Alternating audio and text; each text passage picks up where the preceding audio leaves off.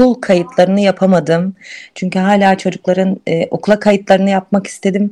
Ama kesinlikle m, kalabalık fobisi var oluşmuş gördüğüm kadarıyla. Onun dışında yüksek binalara e, çıkamama ya da bizden uzun süre saatlerce ayrı kalamama e, endişesi kaygısı var. E, okullar açılacak bayramdan sonra e, dendi. E, biz hani bu kaygıyı, bu korkuyu yaşamış biri olarak bu artçıları, bu depremi yaşamış birileri olarak hiçbirimiz e, yani hani sözde hasar almamış binalara çocuklarımızı gönderemeyiz. Önceden belirlemiş olduğumuz kimi zaman da aslında o an görüp e, buraya girmeliyiz dediğimiz çeşitli resmi ya da resmi olmayan kamplara ya da depremzedelerin olduğu hala yaşadığı bölgelere gidip aslında gerilla usulü diyebileceğimiz bir anda orada belirip e, çok hızla çocukları e, ve izlemek isteyen herkesi davet ettiğimiz bir oyun alanı tanımlayıp orada böyle 35-40 dakika arası bir e, gösteri yapıyoruz. E, çocuklar zaten hani depremzedeler içinde e, nispeten çok daha kolay kendilerini açabilen, oyun alanına daha açık, oyun oynama hali henüz böyle taze kalabilen canlılar olduğu için onlarla bir arada olmak, oyun kurmak genelde çok kolay oluyor. Böyle kolayca kabul ediliyoruz diyebilirim. Ve onların yaşam alanına geldiğimiz için çok hani davetkar, çok istekli, çok katılımcı bir şekilde bizimle oynuyorlar.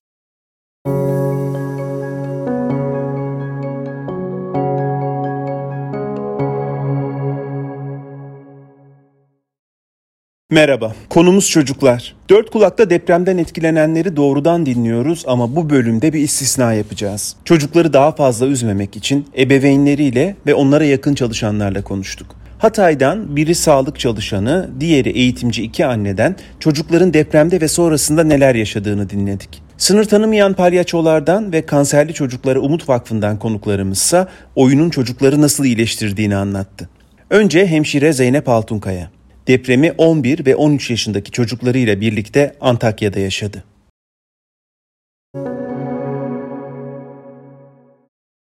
Depremden hemen sonra nasıl bir yaşama geçiş yaptınız? Depremden hemen sonra yani deprem anını göz ardı edemiyorum. Depremden hemen sonra 3-4 günlük hatta 5 günlük bir sürecimiz oldu. Yolda, arabalarda, e, boş arazilerde geçti saatlerimiz, dakikalarımız. E, ilk beş gün çok korkunçtu gerçekten. Bulduğumuz sera alanlarına girdik. Düşünebiliyor musunuz? Yani hani başımızı sokabileceğimiz hiçbir yer yoktu. Hatay Antakya'daydık, merkezdeydik. Çokça e, yapılaşmanın çokça olduğu bir bölgede. Bölge ilçelere hani bölgedeki ilçelere, e, köy alanlarına girmeye çalıştık. O anda da herkes aynı şeyi yaptığı için e, çok korkunçtu. Hastanede olmadığıma, nöbette olmadığıma defalarca şükrettim. Çocuklarımın yanında olduğuna defalarca şükrettim. Şanstı bizim için, yani benim için evde olmam, çocuklarımın yanında olmam çok büyük bir şanstı. Sık sık nöbet tutuyorsunuz herhalde. Bundan iki yıl öncesine kadar hastanede yoğun bakım hemşireliği yapıyordum. 13 yıldır yoğun bakım hemşiresiyim. Aile hekimliğine geçiş yaptım. Yani hani Hatay'da bilmiyorum biliyor musunuz ama ayakta kalan e, herhangi bir hastane, herhangi bir sağlık kuruluşu kalmadı. Birçok arkadaşımı kaybettim ben o gece nöbette sabah karşı. O ilk 4-5 günü çocuklar nasıl geçirdi?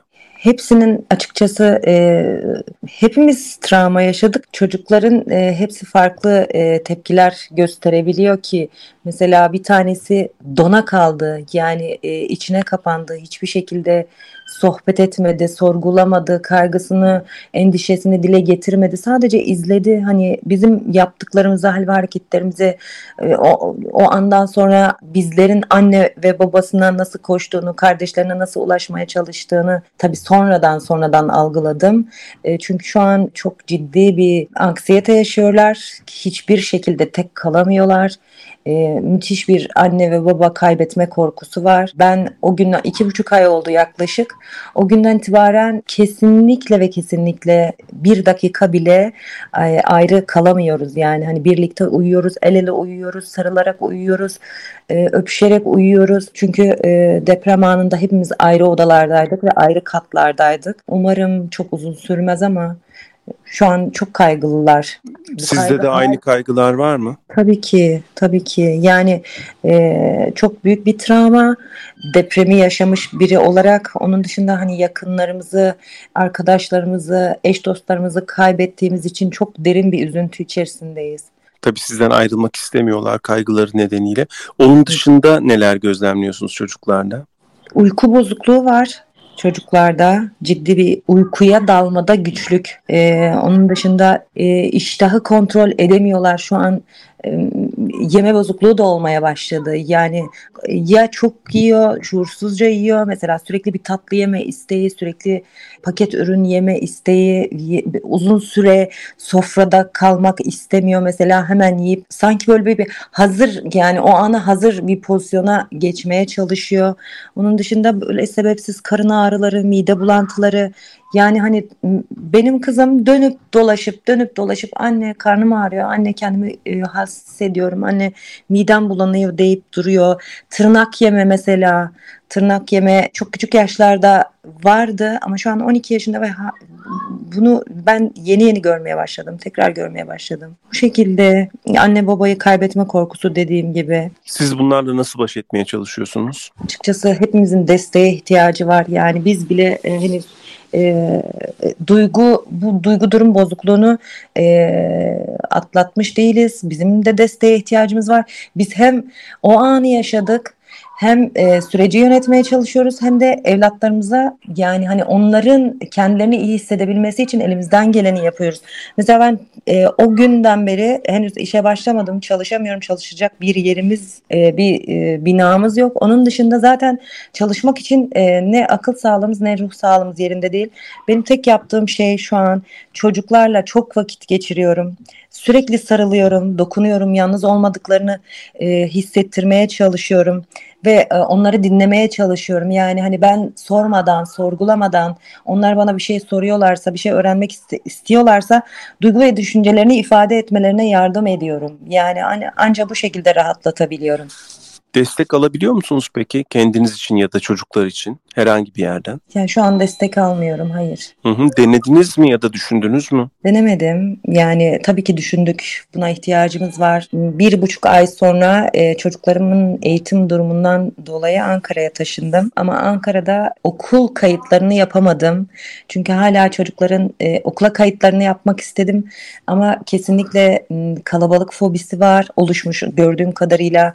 Onun dışında yüksek binalara e, çıkamama ya da bizden uzun süre saatlerce ayrı kalamama e, endişesi kaygısı var. Onun için gittik ama bunun devamını getiremedik. Onun yerine daha kısa süreli etütler, okul sonrası verilen e, derslere yöneldik ve evde bu şeyimizi evde e, gidermeye çalışıyoruz şimdi bu ihtiyacımızı. Okula gidemiyorlar ama dershane gibi bir yerde etüt merkezinde eğitim almaya devam ediyorlar. Evet, eve yakın, e, yürüme mesafesi, birlikte gidiyoruz, birlikte geliyoruz. Saat süresi kısa, en fazla iki saat ayrı kalabiliyoruz. İlk hafta bizim için çok zordu. Hiçbir şekilde ışık kapatamıyorduk, kapı kapatamıyorduk, ayrılamıyorduk. Biraz daha iyiyiz, öyle söyleyeyim yani. Işığımızı kapatarak uyuyabiliyoruz. Hani e, kapımızı kapatabiliyoruz. Bir yere sığamıyorsunuz. Ne burada olabiliyorsunuz, ne orada kalabiliyorsunuz. Oraya gidince burayı çok arıyorsunuz. Burada e, bir şeyler yapmak istiyorsunuz. Buraya geliyorum. E, ya dün geldim e, Antakya'ya. Hatay. Evet ve e, o kadar çaresiz ve kötü hissediyorum ki kendimi.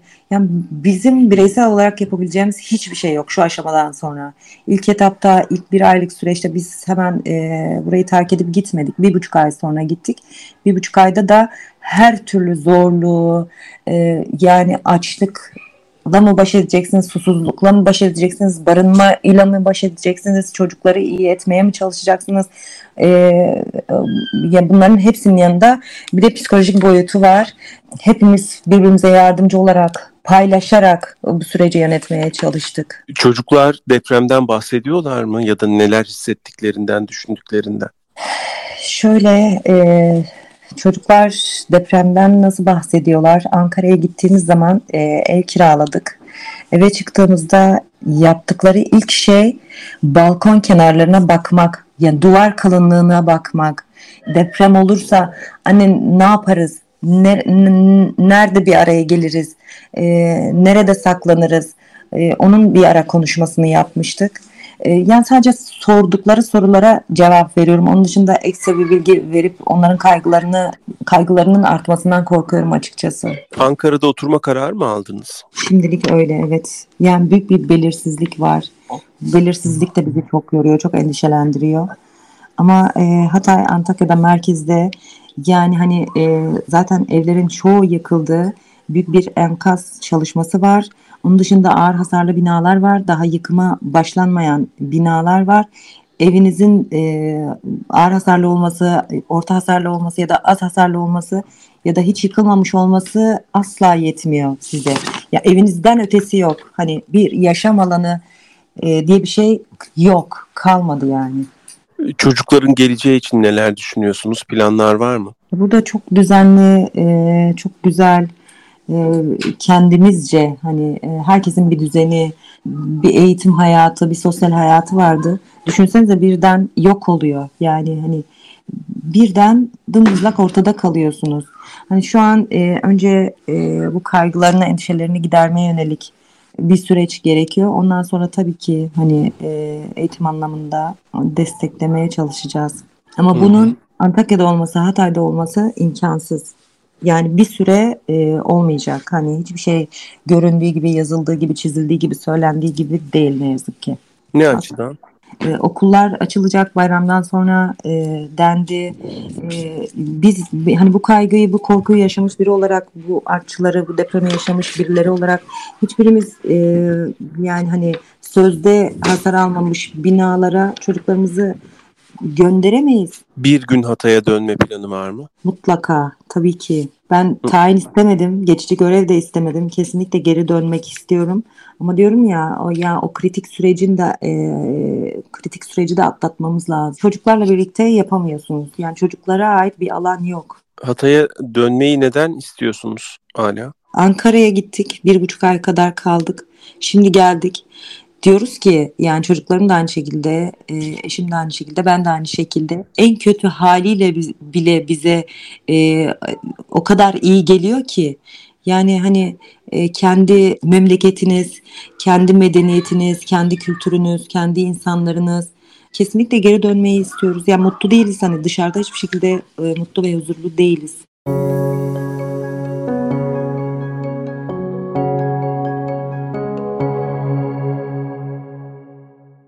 Zeynep Altunkaya'nın çocukları gibi zor koşullarda yaşayan pek çok çocuğa tiyatrocular da destek olmaya çalışıyor. Tiyatro oyuncusu ve yönetmeni Güray Dinçol, sınır tanımayan palyaçolar örgütü bünyesinde çocukları kahkahayla iyileştirme çalışmalarını, sahada neler yaptıklarını anlattı.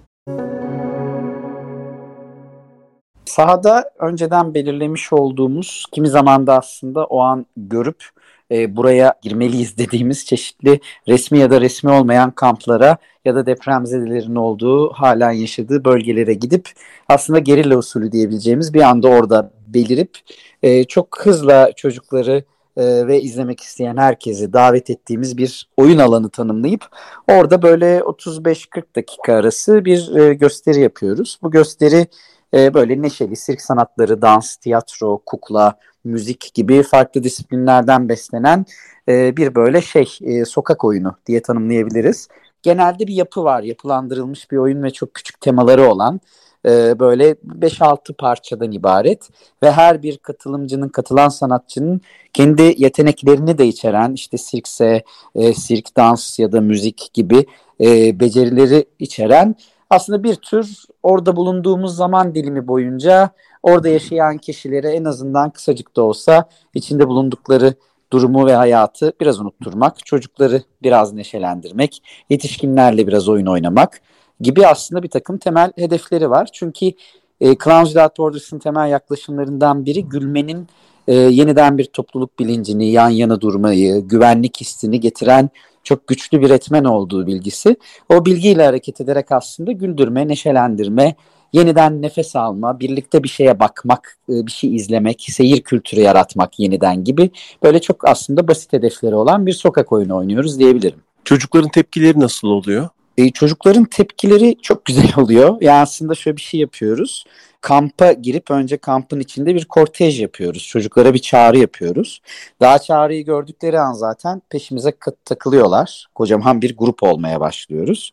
Gitgide kalabalıklaşan ve yavaş yavaş gösteri noktasını na doğru giden kocaman bir kitleye dönüyoruz ve bu kampa da çok iyi geliyor. Yetişkinler çocukları mutlu olduğunu görünce onlar kendilerini daha iyi hissediyorlar.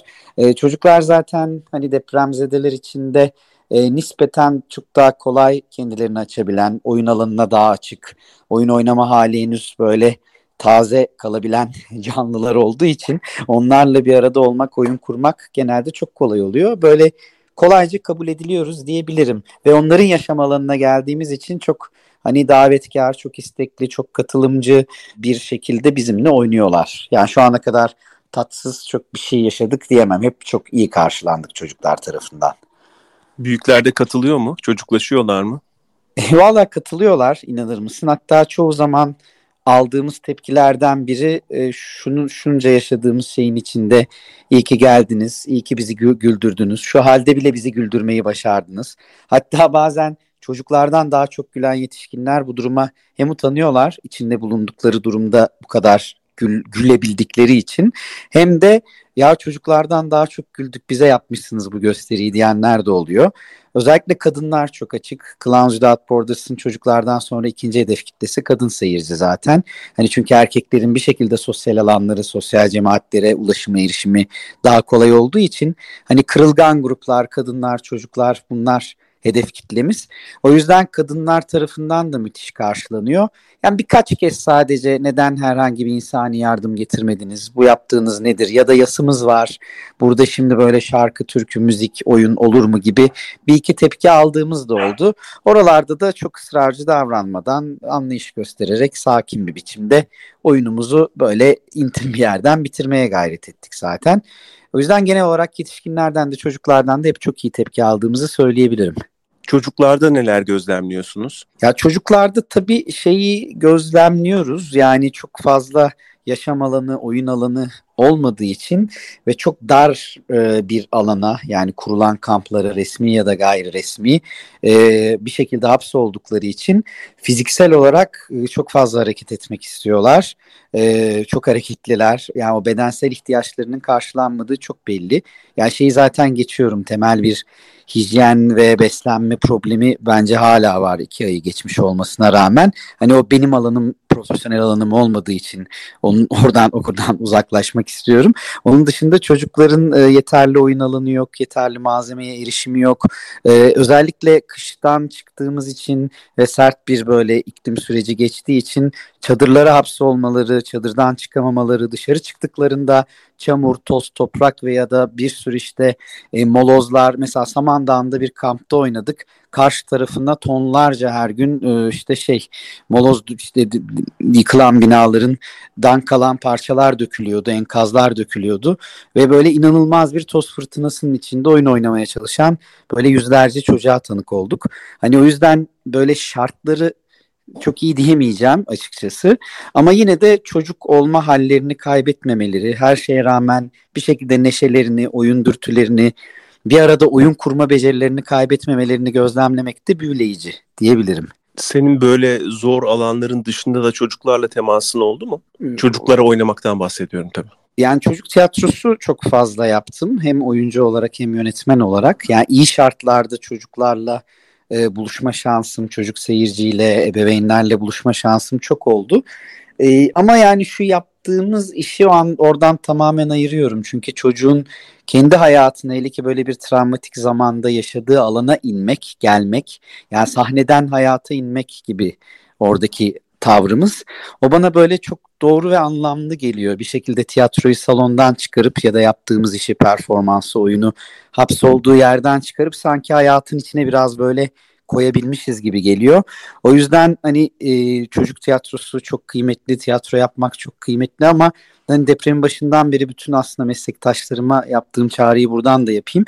Orada olmak, hem zemin olmak, e, insanların yaşam alanlarına gitmek yani bir yere seyirciyi taşımak ya da seyircinin efor sarf ederek erişebilir olduğu bir sanattansa işte eşitlikçi, erişilebilir, herkesin kendi yaşam şartları içinde ulaşabileceği ve bütün bu travmaya rağmen kendini var edebilen bir oyun alanı kurma e, gayretindeyim. O yüzden hani önceki çocuk sahasındaki deneyimlerimden çok farklı bir deneyim bu diyebilirim. Kaç kişisiniz? Ya biz genelde gösteri ekibi olarak sahada 4 ila 6 kişilik bir ekip oluyor. Ee, onun dışında bir tane lojistikçimiz bir de şoförümüz bir de fotoğrafçımız oluyor. Yani 7-8 kişilik bir ekiple geziyoruz.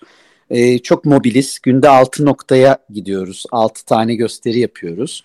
E, dolayısıyla genelde 6-7 gün arası bir program yapıp bir gittiğimiz tur içinde en az böyle 40 noktaya kadar 40 kamp ya da işte 40 depremzedelerin bir arada olduğu noktaya ulaşmak gibi bir hedefimiz var. O yüzden böyle dinamik, hızlı hareket edebilen e, ve böyle enerjisi yüksek bir grup olmaya gayret ediyoruz. Finansmanı nasıl sağlıyorsunuz? E, finansmanı Clowns Without Borders'ın e, donörleri var. E, dünyanın her yerinde işte olan birimlerinin. E, ve her sene aslında bir takım e, bağış geceleri düzenliyorlar. Düzenli bağışçıları var. Ve bir hangi Clowns Without Borders birimi Türkiye'ye geliyorsa şu ana kadar İsveç, İngiltere ve Amerika geldi. Fransa'nın, İspanya'nın gelmek istediğini biliyorum. Amerika bir kere daha gelmeyi planlıyor. Yani dolayısıyla her bir birimin kendi donör kaynaklarının e, donörlerinin e, sağladığı kaynaklarla sanatçılar ülkeye geliyor. Keza işte e, ülke içindeki ulaşım ya da deprem bölgesindeki ulaşım, beslenme, konaklama gibi temel şeyleri de o birim karşılıyor ve hatta bu işin gönüllülük esasının da bir tık dışında profesyonel ve daha iyi şartlarda yapılabilmesi adına da belli bir ücrette ödenmeye gayret ediliyor. Sizde neler değişti? Yani bizde neler değişti? Hani soruyu doğru anlıyorsam sanata bakış açım değişti diyebilirim. Yani zaten bu konseptle tanıştığımda 2015 senesiydi, 2014 sanıyorum. Yani Suriye İç Savaşı'ndan sonra işte ilk defa e, Suriyeli göçmenlerin, göçmen çocukların Türkiye'deki kamplara yerleşmeye başlamasıyla biz sahaya çıktık. Ee, ve aslında o demin de bahsettiğim hem zemin olma hali, sanatın erişilebilir, ulaşılabilir, ayrımcılık e, gözetmeyen hali, e, kırılgan grupları, kadınları, çocukları merkezine alan halinden çok etkilendim diyebilirim. Yani sonrasında da aslında kendi sanat hayatıma bunun etkileri yansıdı. Daha böyle hani kendimce sofistike halk tiyatrosu diye isimlendirdiğim ulaşılabilir ama bir anlamda kendi entelektüel yapısını araştıran bir tiyatro dilinin peşine düştüm. Bu birazcık da aslında şekillendi bu süreç içinde. Yani sanatın hayatla ya da travmayla nasıl daha buluşabileceği üstüne kafa yorma fırsatı verdi bana. Keza sanatçıların böyle bir travmada neler yapabileceği üzerine düşünme ve çalışma fırsatı verdi. Yani başta bir varoluş sorgulamasına girerken böyle bir travmanın içinde bize yer var mı? Biz ne yapabiliriz? Ne işe yararız ki? gibi bir yerden kesinlikle bize de bir alan var. Kesinlikle biz de sahada olmalıyız.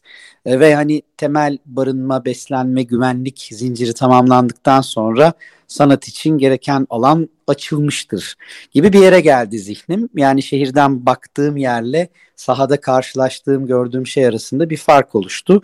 Bu fark da bana iyi geldi aslında bir sanatçı olarak.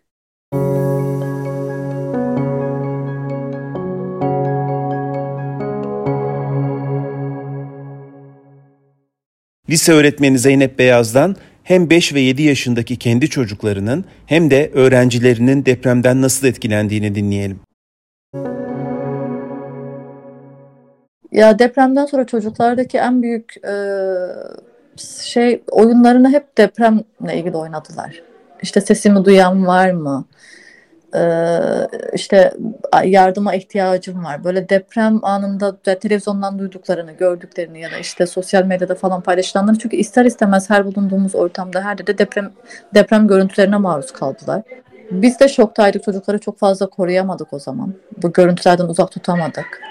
Nasıl yaklaştınız bu oyunlara? Ee, ya bir süre şey böyle işte oğlum ya da kızım bu oyunlarla oynamayalım ne olur depremden bahsetmeyelim falan dedik. Sonra işte ben biraz böyle kendime gelince ama bu 10 günü falan buldu kendime gelmek. Çünkü ben de e, şok atlattım. Şehir çok kötüydü zaten etraf. E, gördüklerimiz, duyduklarımız unutulacak şeyler değildi. Ee, ben de kendime geldikten sonra oturdum, konuştum işte bu doğal afet, arada bir olabiliyor. Çok şükür ki işte şimdi oldu bir daha biz yani sağ çıktık, insanlar öldü tamam falan ama biz sağ çıktık, iyiyiz, ailemiz iyi, işte çevremiz iyi diye konuştuk. Ve e, mümkün olduğunca depremden bahsetmemeye çalıştık. Gün içinde sosyal medyaya falan bakıyorduk. Onlar bizim üzüldüğümüzü görünce gözümüzün içine bakıyorlardı. Özellikle benim oğlum bana çok düşkün. Anne işte ne olur ağlama artık. Anne üzme kendini artık. Çok fazla arkadaşımızı, yakınlarımızı kaybettik. Onların verdiği üzüntü de ister istemez gün içinde ağlıyorsun, işte şey yapıyorsun. Onlar bizi teselli etmeye çalıştı bir dönem. Okula gidiyorlar mıydı? Ee, evet normalde okula gidiyorlardı. Arkadaşlarını sordular. Anne işte e, kızım mesela Adanaz diye çok yakın bir arkadaşı vardı. anneciğim Adanaz iyi mi? Öğretmenim acaba iyi mi? Biz uzun bir süre dışarıda kaldık. Sonra e, bundan ne zaman bir e, bir ay önce falan Hatay'a gittik çocuklarla beraber. Yeniden görünce Hatay'ı nasıl tepki verdin? İşte yeniden görünce hala enkazları falan görünce böyle işte anne acaba orada yaşayan var mıydı? Burada kim yaşıyordu? Buradakiler acaba kurtuldu mu? Ee, siz çocuklularla ilgilenme konusunda herhangi birinden destek aldınız mı? Yok hayır almadık. Ya kızım için aslında istedim kızım ve oğlum için çünkü bir süre çok böyle işte korktular ve biz hala mesela uykumuz hep ben çocuklarla beraber uyuyorum ben. Ben de onları bırakamıyorum. Onlar da bensiz uyuyamıyorlar. Ya bu konuda aslında destek almak istedim ama yani şu an bulunduğum yer itibar, itibariyle böyle bir şey mümkün değil. Kızım e, okula başladı. Çok şükür okul iyi geldi arkadaşları falan. O, orada e, yani okulun onun biraz kafasını dağıtacağını düşündüm. E, Mersin'de sallandı bu yani burada. E, şeyden sonra o büyük depremlerden sonra burada da sarsıntılar yaşandı. Artık daha şeyler böyle depreme karşı yani ne yapacağımızı e, işte biz hep konuşuyoruz. Olur da deprem olursa hemen dışarı çıkacağız işte eşyalarımızı alıp falan böyle zaman kaybetmeden. Onun planını kurup uyu, uyuduk kaç gece. Son zamanlarda çok şükür biraz açtık o, o şeyleri. Sizce depremin en büyük etkisi ne oldu çocukların üstünde? Ya korku yaşadılar işte ayrılık koygusu, e, kaygısı, anne babayı kaybetme, yakınlarını kaybetme kaygısı yaşadılar. Normalde mesela oğlum lavabo ihtiyacını tek başına karşılayan bir çocuktu. Şu an tek başına hiçbir yere gitmiyor, hiçbir yerde durmuyor.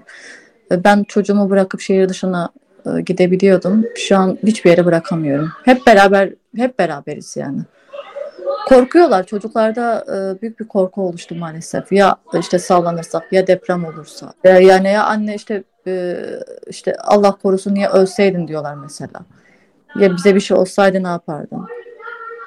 Yani böyle böyle sorularla karşılaşıyoruz. Bazen cevabını veremediğimiz sorular oluyor. Mesela kaybettiğim arkadaşlarım oldu. Onları soruyorlar ne diyeceğimi bilemiyorum. Yani e, maalesef deprem hala gündemimizde. Kendi aralarındaki ilişkide bir değişiklik oldu mu? Bugün onu fark ettim. Mesela kızım oğlum çok iyi anlaşıyorlardı zaten ama sanki depremden sonra böyle daha mı çok birbirlerine e, bağlandılar. Bugün arabada böyle birbirlerini sarı falan şey yapıyorlardı. İşte o benim kardeşim, o benim canım diye kızım olma karşı. Sanki bir daha çok bağlandılar artık büyüdükleri için mi yoksa depremle mi ilgisi var çok bilmiyorum isteklerini, ihtiyaçlarını, hayallerini anlatıyorlar mı size? Ev şey sürekli evden bahsediyorlar. Ev gün ev gündemimiz oluyor. İşte bundan sonraki evimiz anne işte şey olsun, yıkılmayacak bir ev olsun. Mesela resimlerinde falan hep depremi çiziyorlar. Şimdi boş zamanlarında sürekli resim defteri alıp resim kağıdı verip onlara işte boyama yaptırıyoruz, çizim yaptırıyorum. Yani son zamanlarda yaptıkları resimlerde sürekli evler, işte deprem anında yıkılmış enkaz resimleri Anne bak burası işte bizim evimiz gibi diyor. 16 kat. Biz 16. kat 16 katlı bir yerde oturuyorduk. Anne bak burası bizim evimiz. İşte evimizin duvarları yıkıldı. Yaşadıklarını resmetmeye çalışıyorlar. Evet. Hayaller de yansıyor mu resimlere? İşte e, hayaller de yansıyor. O da böyle daha küçük tek katlı bir ev yapıyorlar sürekli. İşte etrafta duyuyorlar ya tek katlı evlerin daha dayanıklı falan olduğunu. Bizde gündemde de prefabrik ev yaptırma şeyi var. Oradan işte böyle tek katlı bir ev çiziyorlar. Kız yine daha e, şey karşıladı. Oğlan uyanık olduğu için ve her şeyi gördüğü için onda daha çok etki bıraktı. Öyle düşünüyorum. Yaşı da küçük tabii. Evet yaşı da küçük ve deprem anında e, şeyi de gördü böyle mesela kilerin nasıl döküldüğünü işte kendinin yanında şifonyer vardı kafasına değdi. Bazen ben işte başkalarıyla depremden bahsederken hemen kendi de gelip söze giriyor. Benim kafama şifonyer düştü diyor. Değdi aslında. Düştü derken şifonyer böyle yüksekti. Onun kafasına değdi. Sonra kaldırdık biz şifonyeri. Siz çocuklarınız için nasıl bir gelecek hayal ediyorsunuz? Umarım bu e, deprem sürecini artık atlatıp böyle daha güvenli bir ortamda büyürler. Yani normalde işte hepimizin, tüm anne babanın istediği gibi çocuğum doktor olsun, şey olsun, ne bileyim okusun, şunu yapsın, bunu yapsın. Artık öyle bir şeyim yok. E, umarım yani istedikleri, mutlu olacakları bir hayat yaşarlar ve daha güvenli böyle güvenli bir ortamda büyütebilirim inşallah. Zaten şimdi böyle bazen diyoruz ki deprem şöyle oldu, böyle oldu. Çok şükür çocuklarımız yanımızda. Peki ne tür önlemler alıyorsunuz? Şu an hiçbir şey yapmadık desem yani daha inanın o şoku atlatamadık. Biz hala e, ne yapacağımızı bilmiyoruz. Nasıl yani nereye nerede kalırız bundan sonrasında ne yaparız? Artık böyle mesela yüksek binalara falan giremiyoruz. Hala mesela asansör korkumuz var. Asansöre binemiyoruz çocuklarla. Hem sizde hem çocuklarda mı var? Evet hem bende hem çocuklarda var. Benim maalesef e, paniğim yani stresim çocuklara da yansıyor. Nasıl bir destek alsanız işinize yarardı acaba? Valla ben de şeyden de normalde de çok böyle panik bir insandım. Depremden sonra panik atağım var. Panik atağım iyice şey yaptı. Bununla ilgili benim eşim doktor bazen işte hastaneye yönlendiriyor benim psikiyatriye gidip görüşelim falan diye. E, kendi başıma halledebilirsem yani kendim e, halledebilirim diye düşünüyorum. Gitmedim. Henüz bir destek almadım ama böyle sürerse destek alacağım. Öğrencilerinizle ilgili haberler aldınız mı bu dönemde? Evet, öğrencilerimizle ilgili haberler aldık. Ee, çok fazla vefattan öğrencimiz var. Arkadaşlarını kaybedenler çok üzgün. Geleceğe dair çok umutsuz. Yani ne kadar depremden bahsetmemeye çalışsak da hep kayıpları konuşuyoruz. Kayıpları konuşunca nasıl hissediyorsunuz? Bilmiyorum sanki böyle Hatay'dan birileri ya da e, öğrencilerimle konuşurken kaybettiklerimizi konuşmak böyle onlar yanımızdaymışız gibi hissettiriyor. Onlar ne diyorlar? Gelecekle ilgili ne düşünüyorlar? Umutlu olan öğrencimiz de var ama işte hocam bu saatten sonra her şey bitti. Ben arkadaşımı kaybettim. Bundan ötesi yok falan diyenler de var. Herkes artık böyle çok şeye bakıyor ya. Yani çok büyük bir felaket sonuçta. Çok yani çok şükür ki atlattık ama işte bundan sonra ne yapacağız diye düşünüyor herkes. Çünkü çoğu kişinin evi, barkı, her şeye gitti. Nasıl toparlanacağız diye düşünüyoruz. Öğrencilerimiz de öyle düşünüyor.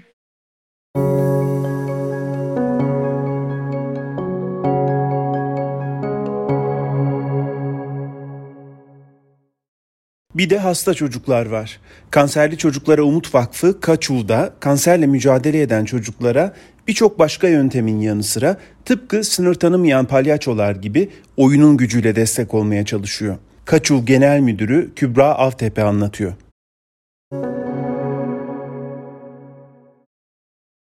Temas kurduğumuz ailelerle ilgili öncelikle onların sağlıktan yerinde olup olmadığı, evlerinin hasar görüp görmediği ile ilgili e, kısa bir değerlendirme yaptıktan sonra vakıf olarak hızlı bir karar aldı aslında. E, bir deprem fonu oluşturarak e, ailelere öncelikli olarak e, gıda desteği noktasında nasıl hareket edebiliriz diye kendileriyle e, görüşerek nelere ihtiyacı olduğunu biliyorsunuz. O anda bir sürü insan ve Türkiye'nin her yerinden yardımlar gitmeye çalıştı ama e, bu çocuklar kanser tedavisi gördüğü için beslenmeleri de daha hassas bir noktada. O nedenle gezici bir e, kurumla aslında Migros'ta e, anlaştık diyebiliriz. E, gezici marketleri olduğu için haftalık bazı biz ailelerimize e, gıda e, çekleri, dijital kodlar göndermeye başladık. E, bir aile işte haftalık 500 TL gönderiyoruz. Bir ayda 2000 TL'ye düşünebilirsiniz. Gerçekten çok güzel sahadan geri bildirimler aldık. Şu ana kadar 1600 e, gıda çeki e, dijital kod olarak göndermişiz. Onun dışında o bölgede bizim e, bursiyerlerimiz de vardı. Biz kanser tedavisi gören çocuklarımıza aynı zamanda e, burs da veriyoruz ilkokuldan üniversiteye kadar. E, o bölgedeki özellikle üniversitedeki öğrencilerimiz eğitime ara verildi biliyorsunuz. Uzaktan eğitime geçildiği için bilgisayar ihtiyaçları vardı. 7, 7 tane öğrencimiz vardı. Onlara bilgisayar desteği sağladık. Ailelere nakdi destek sağladık. Aynı zamanda o bölgedeki ailelerimizin e, ilaç desteği ihtiyacı oluyordu. Eczacılar Odası'yla beraber onların ihtiyaç duydukları ilaçları kendilerine ulaştırdık. İhtiyaç haritasıyla birlikte yaptığımız çalışmada bir tane etkinlik site oluşturarak e, o bölgedeki çocuklarımıza etkinlik setlerini gönderdik. Aslında ilk etapta ihtiyaçları olan e, gıdaydı, işte çocuklar için etkinlik setiydi, ilaçtı. Bunları temin etme gayreti içinde olduk ve bunu da başardık açıkçası. Ailelerimizden de çok güzel geri dönüşler aldık. Bir taraftan da gönüllerimizle aslında Afet platformu üzerinden bu süreçte mağdur olan tüm ailelere doğru yerlere yönlendirme, o bölgedeki noktasal alanlara yönlendirmeye gayret içinde olduk. E, psikologlarımız da bir taraftan destek olma gayreti içinde oldu. Biliyorsunuz bir travma yaşadılar. Yani bizim çocuklarımız zaten ölümle burun buruna kanser tedavisi görüyorlar. İkinci bir travma depremi yaşıyorlar. E, Tam da onu soracaktım aslında. Evet. Ee, zaten zor bir süreçten geçen çocuklar depremle birlikte neler yaşadı? Ee, ölümle yüzleşmiş aslında ve tedavi esnasında bunu aşmaya çalışan, biz de onlara umut olmaya çalışan bir kurum olarak e, tabii depremle beraber bir ikinci travma yaşadılar. E, bu süreçte e, çoğu zaman psikologlarımızın yaklaşımı hep şey olmuştur. Yani travma yaşadığı anda bazen o travma e, biraz atlattıktan sonra e, onlarla temasa geçilmesi noktasında yaklaşmışlardı. O nedenle öncelikle depremde sağlıkları yerinde mi, sa evleri yıkılmış mı, yaşıyorlar mı? Açıkçası onun e, telaşı içinde olduk. Sonraki dönemlerde de e, online kısımda psikologlarımız e, görüşmek istedikleri, çünkü bir şekilde hayatta kalmaya çalışıyorlar. İnsanların önceliği de olmayabiliyor. Yani önce karnı doymaya çalışıyor, barınmaya çalışıyor. E, psikolojik destek istemeye de biliyor. O nedenle isteyen ailelerle uzaktan bir şekilde psikolojik manada destek olmaya çalıştık. Tedavi göremeyen ailelerimizden de İstanbul'a ve farklı illere gelmek durumda olanlar vardı. Onları da aile evlerimizde ağırladık. Yani 18 aileyi aile evimizde ağırladık ve farklı illerde e, hem e, kalabilecekleri yer hem de ulaşım giderleriyle ilgili destek olduk. Neler gözlemlediniz ailelerde ve çocuklarda özellikle? Endişe, korku zaten hepimizin yaşadığı şeyler var biliyorsunuz. Kanserle beraber, depremle, travmayla beraber. Dolayısıyla temelde yaşadıkları e, şey ikinci travmada e, o çaresizlik hissi, evlerinden, sahip olduklarından e, ayrı olmalarının getirdiği ikinci bir travma çok yoğun ve çok derin duygular yaşadıklarını bize aktardılar. O nedenle biz zaten ilk etapta çocuklara biraz etkinlik seti, e, oyuncak ve farklı şeyler göndermemizin altında ya da yatan buydu. Çünkü e, oyun benim ilacım diyordu bizim kanser tedavisi esnasında bir eğitimimiz de var aslında. Çocuklar oyunla iyileşiyor. Bu ister trav, e, deprem olsun, ister kanser olsun Orkun Bey, oyun benim ilacım şeklinde aslında bir şekilde e, etkinlik setleriyle e, yapacağımız etkinliklerle ve gönderdiğimiz e, malzemelerle onu bir nebze de olsun uzaklaştırma gayreti içinde olduk. E, oyun oynadıkça aslında çocuk e, hayata tutunabiliyor. Onun için e, hastanelerde oyun odalarını yapıyoruz. Tedaviye daha hızlı cevap verebiliyor.